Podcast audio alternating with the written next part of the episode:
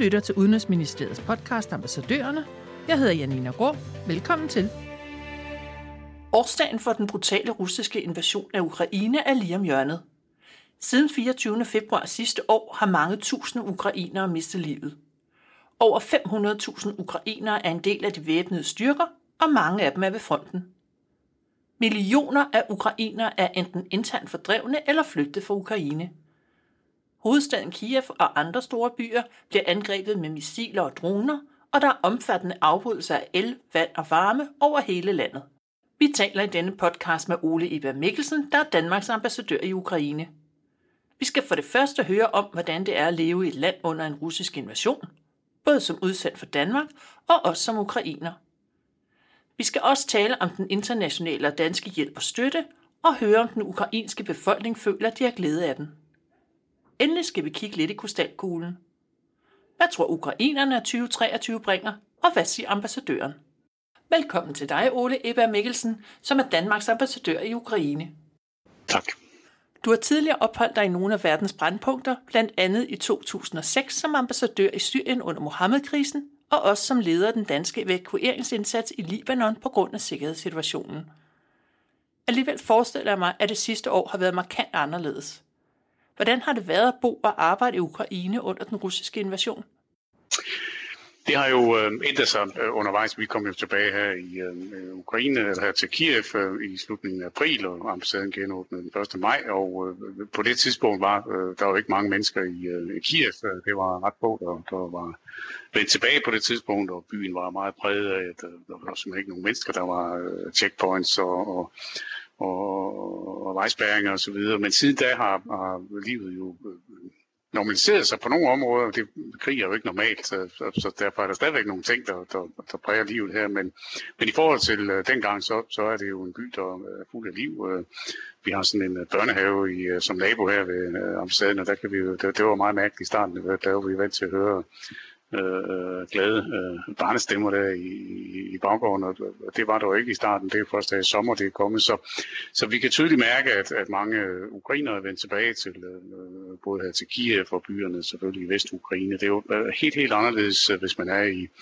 i frontlinjebyerne, øh, hvis man er i de byer, som er under øh, russisk øh, besættelse i øjeblikket. Men her er livet jo først og fremmest øh, præget af, at en gang imellem er der luftalarm, og en gang er der også øh, øh luftangreb, altså nedslag af typisk missiler og droner og det, det, det, de våbentyper, der typisk anvendes. Og det er klart, at når der så er luftalarmer, jamen så øh, er man nødt til at gå i beskyttelsesrum, og det gælder uanset øh, om vi er her på ambassaden. Hvis det er her på ambassaden, så går vi ned i vores øh, Øh, personalekantine, som ligger øh, under øh, øh jorden, som delvis i hvert fald er velbeskyttet, og så kan vi arbejde videre øh, derfra.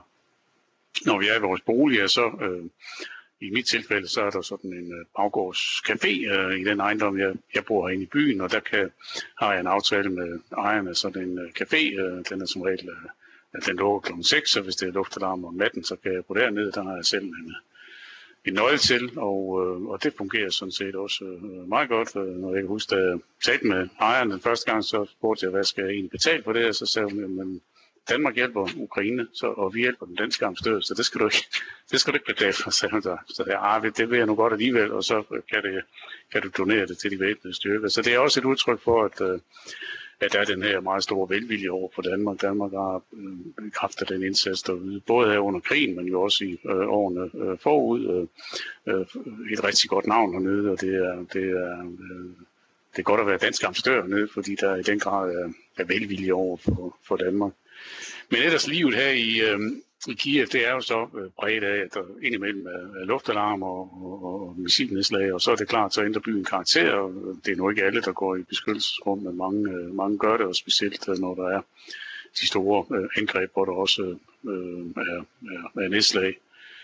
Men, men byen kommer jo så relativt hurtigt til live igen, og alarmen så bliver afblæst, og den får man hørt, ja, man kan godt høre den fra, på fra sirenerne med, så får man den jo fra en uh, app. Uh, det, det er selvfølgelig uh, moderne sider, hvor man uh, på en app kan se, uh, hvor der er luftalarm i det her store land. Er det kun her i Kiev, er det uh, over det, uh, det ganske land, så er det typisk noget længerevarende. Så, Og øh, ja, så indretter øh, ukrainerne så efter det. Der var Melodi Grand Prix her for, for, for nylig, og det fandt sted på en metroperron øh, dybt under jorden, fordi så kunne man sådan set fortsætte, selvom øh Øh, der var luftangreb, øh, og øh, der var selvfølgelig en larm for de her tog, der kørte forbi, men, men det passede sådan set meget godt ind i det. Så, så ukrainerne er rigtig dygtige til at indrette sig efter de her særlige forhold. Øh, når man går ind i en elevator, så står der øh, vanddunke, fordi hvis elevatoren går i stå øh, undervejs, så kan man jo øh, fanget der i en øh, lang periode, så, så typisk vil der, vil der være en vanddunke og lidt nødproviant, og, og, ja, og byen den genlyder så øh, snorende generatorer, fordi der man har de her rullende øh, øh, øh, blackouts, kalder man dem, hvor man så i forskellige områder slår øh, strømmen fra. Det er nu mindre nu, end det var bare blot for nogle uger siden, men, øh, men når det sker, så vil butikker og restauranter, og typisk have en øh, generator, der, der, der går i gang, så man i hvert fald kan have nødbelysning. Og, og ja, det er den samme måde, vi har indrettet os på her på ambassaden. Vi har en generator, så vi kan arbejde videre, og øh, hjemme i min bolig, der har jeg så nogle øh, øh, nødbatterier, så jeg kan have nødbelysning og, og og øh, sådan de øh, ja, øh, kan have computeren tændt og så videre. Så, så vi prøver at, at gøre ligesom ukrainerne på at indrette os efter de her de her helt, øh, helt særlige forhold, der, der gælder i øjeblikket. Og, øh, og på en eller anden måde bliver øh, krig jo også en, en, en, det bliver en hverdag, det bliver noget, man, man indretter sig efter, og, og som øh, både vi og ukrainerne indretter sig efter, man får lavet øh, beskyttelsesrum i skoler og så videre, og så på børnene dernede, når der, når der er luftangreb. Så, så det er, det er den måde, vi lever på her i, øh, i Kiev, men man skal jo være opmærksom på, at, at, at vi har jo relativt privilegerede forhold i forhold til dem, der lever i, i frontlinjebyerne, øh, hvor forholdene er helt, helt anderledes. Øh, der, hvor der er kampe, der vil der jo typisk også være Øh, beskydning, øh, artilleribeskydning og så videre, blandt andet i den øh, by, som, øh, som Danmark har fortsat sig at tage ansvar for. Mikolajev, den var jo under øh, daglig beskydning i, øh, i næsten otte måneder. Nu er frontlinjen til rykket længere mod øh, øh mod øst, øh, øh, og, men den er selvfølgelig stærkt præget af de øh, ødelæggelser, der har været under øh, beskydningerne af bygninger, og hele boligkrejer er styrtet sammen, og, og, og det er selvfølgelig øh, ødelæggelser af en helt, helt anden karakter end øh, dem, vi øh, kender her i, i GF, øh, hvor det er mere, kan man sige, koncentreret omkring øh, for eksempel kraftværker og andre øh, sådan strategiske infrastrukturer, som, øh, som russerne forsøger at ramme. Så det er meget afhængigt af, hvor man er, og dem, der virkelig øh, har det hårdt, det er netop øh, ukrainerne i frontlinjebyerne, og så selvfølgelig de områder, som er under russisk øh, besættelse i øjeblikket, hvor forholdene også er meget, meget vanskelige. Øh, så det tåler ingen sammenligning med, med, det, øh, med det liv, vi trods alt kan leve her i, øh, i hovedstaden. Du sprang hen over perioden 24. februar til 1. april. Hvad skete der der?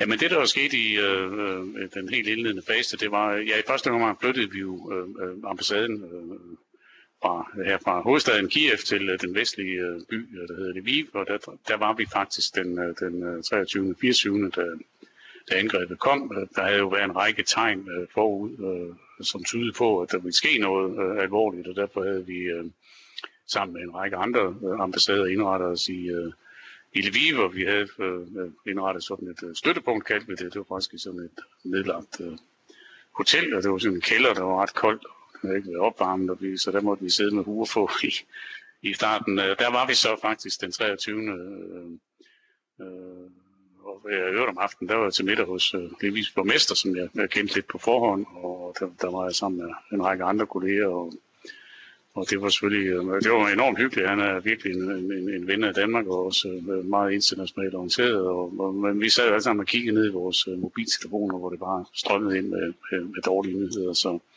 så, så det var jo klart, at, at, at et eller andet var under optræk. Og ja, da jeg kom tilbage på hotellet, så kunne jeg ikke øh, gå til køjs, så jeg blev op om natten og, og, og var så vågen faktisk, da det så skete. Øh, angrebet kom der ved, ved trætiden lokal tid, så, så, så jeg var faktisk øh, vågen, og så gik ja, apparatet så i gang, og vi var jo så i en periode i, i en polsk øh, grænseby, der hedder Sesuf, øh, og der var vi indtil april måned, og der rykkede vi så tilbage til øh, Kiev og genåbnede ambassaden. Det var der var øh, en udenrigsminister, Jeppe Kofod, der kom her og, og genåbnede ambassaden, øh, og vi var øh, ja, den første nordiske ambassade, der, øh, der genåbnede, og det var selvfølgelig godt for os at komme tilbage, fordi det er jo her, vi har vores øh, arbejde, det er her, vi har vores kontakter, det er her, vi kan gøre mest nytte.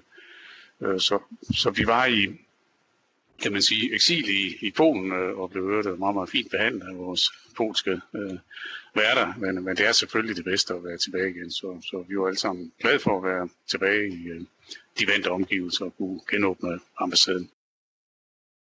Som du allerede har været lidt inde på, er opbakningen til Ukraine massiv i den vestlige verden sammenlignet med engagementet i mange andre krige. Det gælder både i form af militær og humanitær støtte og genopbygningsbistand, samt ikke mindst den folkelige opbakning. Hvad mener den ukrainske befolkning bredt set om vestens indsats? Altså, der er jo stor øh, taknemmelighed og stor glæde over, at, at, øh, at det her det, øh, i den grad jo har hvad skal man sige, vist, at Ukraine har et værdifællesskab med, med øh, EU. Det, det er jo noget af det mest, tror jeg, afgørende, der er sket i den her jo meget vanskelige tid, men, men men altså bare fire dage efter øh, angrebet, der øh, gjorde ukrainerne det, de indgav en ansøgning om medlemskab af EU, og øh, jeg har talt med nogle af dem, der var med til at udfylde de her mange, man skal udfylde rigtig mange øh, papirer, øh, og det var øh, et hold øh, under ledelse af vicepremierminister øh, Olga Stefanishin, som er, står i spidsen for, for øh, Ukraines øh, EU- og NATO-forbindelse, og hun har fortalt, hvordan de sad nede i sådan en bumpkælder og udfyldte de her mange, mange skemaer, og det gjorde de jo, fordi i den situation, som opstod der, der var det aller, aller vigtigste for ukrainerne at have et håb om, at, at det her øh, mareridt, det ville være over, og at der på den anden side af det øh, mareridt, det ville være en europæisk fremtid, som man kan sige, de europæiske værdier er i den grad øh, slået igennem øh, øh, på alle områder. Altså, der er ikke mange, øh, hvor der tidligere måske var nogen, der sagde, ah, men man kunne også øh, kigge mod øst. Og det er der altså ikke mange, der, der gør nu. Og, og så blev øh, øh, Ukraines øh, anmodning faktisk imødekommet på, på det europæiske råd i juni måned sidste år, der fik øh, Ukraine jo kandidatstatus. Det bliver en lang og vanskelig proces, den, den, øh, og ingen her øh, undervurderer at de mange vanskeligheder, der er ikke mindst på korruptionsområdet. Danmark står i spidsen for den øh, europæiske antikorruptionsindsats, og der er meget gået i gang med, men der er også det ikke sket meget øh, inden for de seneste måneder. Så, så de har så at sige haft en, en, en, øh, man kan næsten kalde det en transformativ effekt, øh, at, at, at alle er nu øh, i den grad europæisk indstillet, og det er europæiske værdier, som, som man, man, øh, man føler det her værdifællesskab øh, meget tydeligt. Og noget af det, som jo også har været godt som dansk øh, amstør opleve, det er jo den øh, enorme velvilje, der er i Danmark, øh, og vi mærker det næsten hver dag. Øh, så sent som i går, der var jeg henne øh, på øh, Rådhuspladsen her, eller ah, det var nu baggården bagved øh, øh, rådhuset, hvor, øh, hvor jeg så øh, kunne tage imod øh, sammen med Kirs borgmester øh, nogle, øh, ja, det var faktisk et, et større antal øh, generatorer, som øh, gode folk på Fyn, det var øh, Rotary øh, i Odense, som havde organiseret det, øh, altså rejst, øh, øh, og det var altså nogle øh, store generatorer, sådan på størrelse med en 20-fods container, og dem var der en del af, jeg tror, der samlet set kunne de varme 60.000 øh, boliger op, så det er altså ikke sådan øh, nogle små øh, øh, generatorer. Det var virkelig øh, heavy duty, og, og det havde de jo sådan set øh, rejst pengene til selv. Øh, jeg havde jo ikke bidraget, jeg havde bare fornøjelsen af at være til stede, men der mærker man jo den enorme vilje, der stadigvæk er i Danmark. Der er nogle lande, hvor man siger, nej, men øh, kan vi blive med at støtte øh, Ukraine, og der er mange andre problemer. Men jeg vil sige, at Danmark, øh, vi får øh, næsten hver dag øh, henvendelser fra, fra danskere, som på den ene eller den anden måde øh, gerne vil bistå øh, stort og småt, og det, det var altså stort, og, og det er noget, der fortsætter. Så, så det er jo dejligt at opleve, at der, der på begge sider i den grad er en, øh, en vilje til at, at, at hjælpe. Og det gælder også nede i den her by, øh, Mikolajev, hvor, hvor øh, statsministeren, udenrigsministeren og forsvarsministeren var for 14 dage siden på et, et, ret enestående besøg, hvor, hvor ja, besøget var henlagt til en, en, en provinsby, hvor, øh, hvor Danmark har et særligt øh, ansvar. Det var jo et, øh, på anmodning fra øh, den ukrainske præsident, som talte til Folketinget tilbage i marts måned, og statsministeren var hernede sidenhen, og der er sket rigtig meget. Og der mærker vi jo også den her enorme øh, velvilje, der er. Både i Danmark øh, til at hjælpe med forskellige øh, øh ting i Mikolajev, øh, men også øh, den velvilje, det har skabt i, øh, i øh, Ukraine, og, og, og den ukrainske præsident øh, øh rejste øh, uden betænkelighed til Mikolajev, og, og, så det ville jo sådan svare til, hvis det nu havde været i Danmark, at, øh, at Zelensky var kommet til, til Danmark og sagt, at jeg vil godt mødes med, med statsminister, men det skal altså være i Lykstør eller et eller andet andet sted. Det, det, det kræver lidt, øh, det, der var en hel del logistik i det, kan jeg sige. Men uden nogen som helst diskussion blev det øh, meget, meget vel modtaget. Så, så igen, der er en, en, en heldigvis en, en, en stor velvilje og en, en stor stærk vilje til at, at, at samarbejde, som kommer også til gode her på, på ambassaden, hvor vi, ja, som sagt, næsten hver dag støder ind i, i eksempler på, på øh, danskere, som gerne vil hjælpe, og, og, og også øh, på samme måde stor velvilje hernede. Så, så, så det er godt at opleve. Her til sidst skal vi kigge den berømte krystalkugle. Hvad tror ukrainerne, at 2023 bringer, og hvad siger ambassadøren? Ja, hvis man spørger ukrainerne, og det har jo tit og ofte lejlighed til, øh, både øh, her i Kiev, men også når man er ude i, i landet, og jeg har netop stillet det her spørgsmål, hvad, hvad forventer I af, øh, af fremtiden, hvad håber I på, og, og, og svaret, de giver alle sammen, det er øh, det samme, ønsker sejren.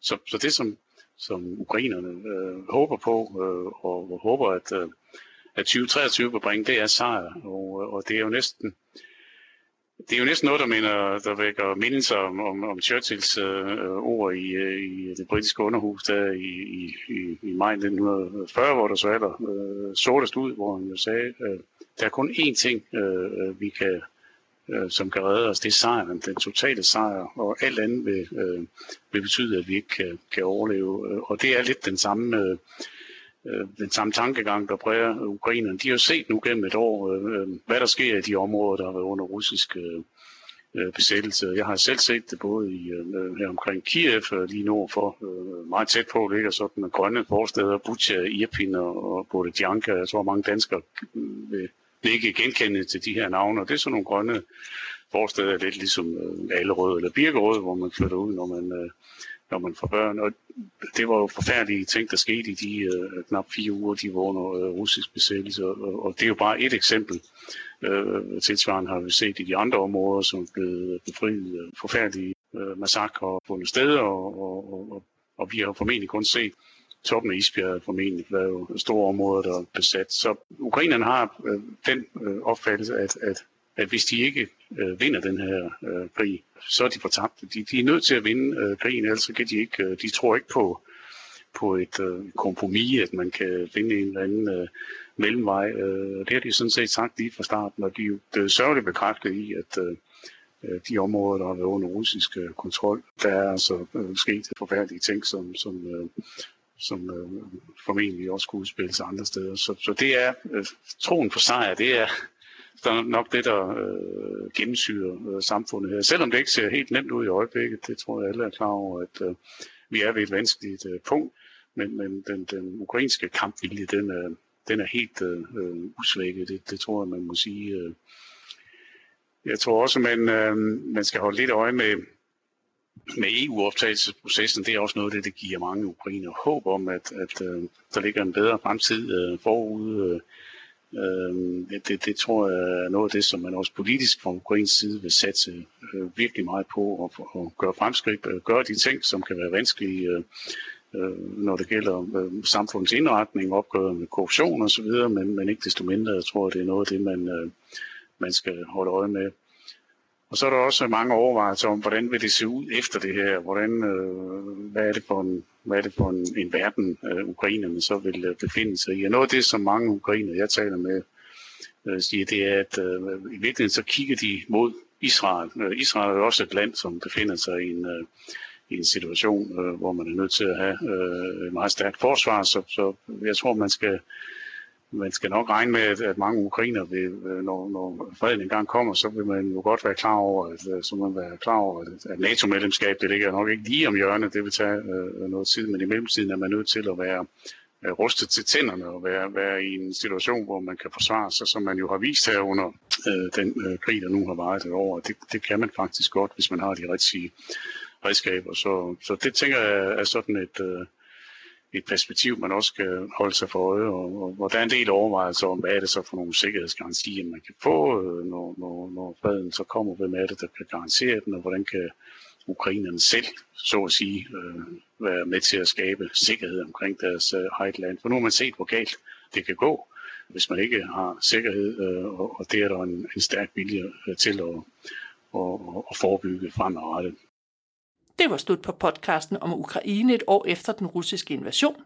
Hvis du vil vide mere, kan du følge ambassadøren på Twitter. Tak til ambassadør Ole Eva Mikkelsen, og tak fordi du lyttede med.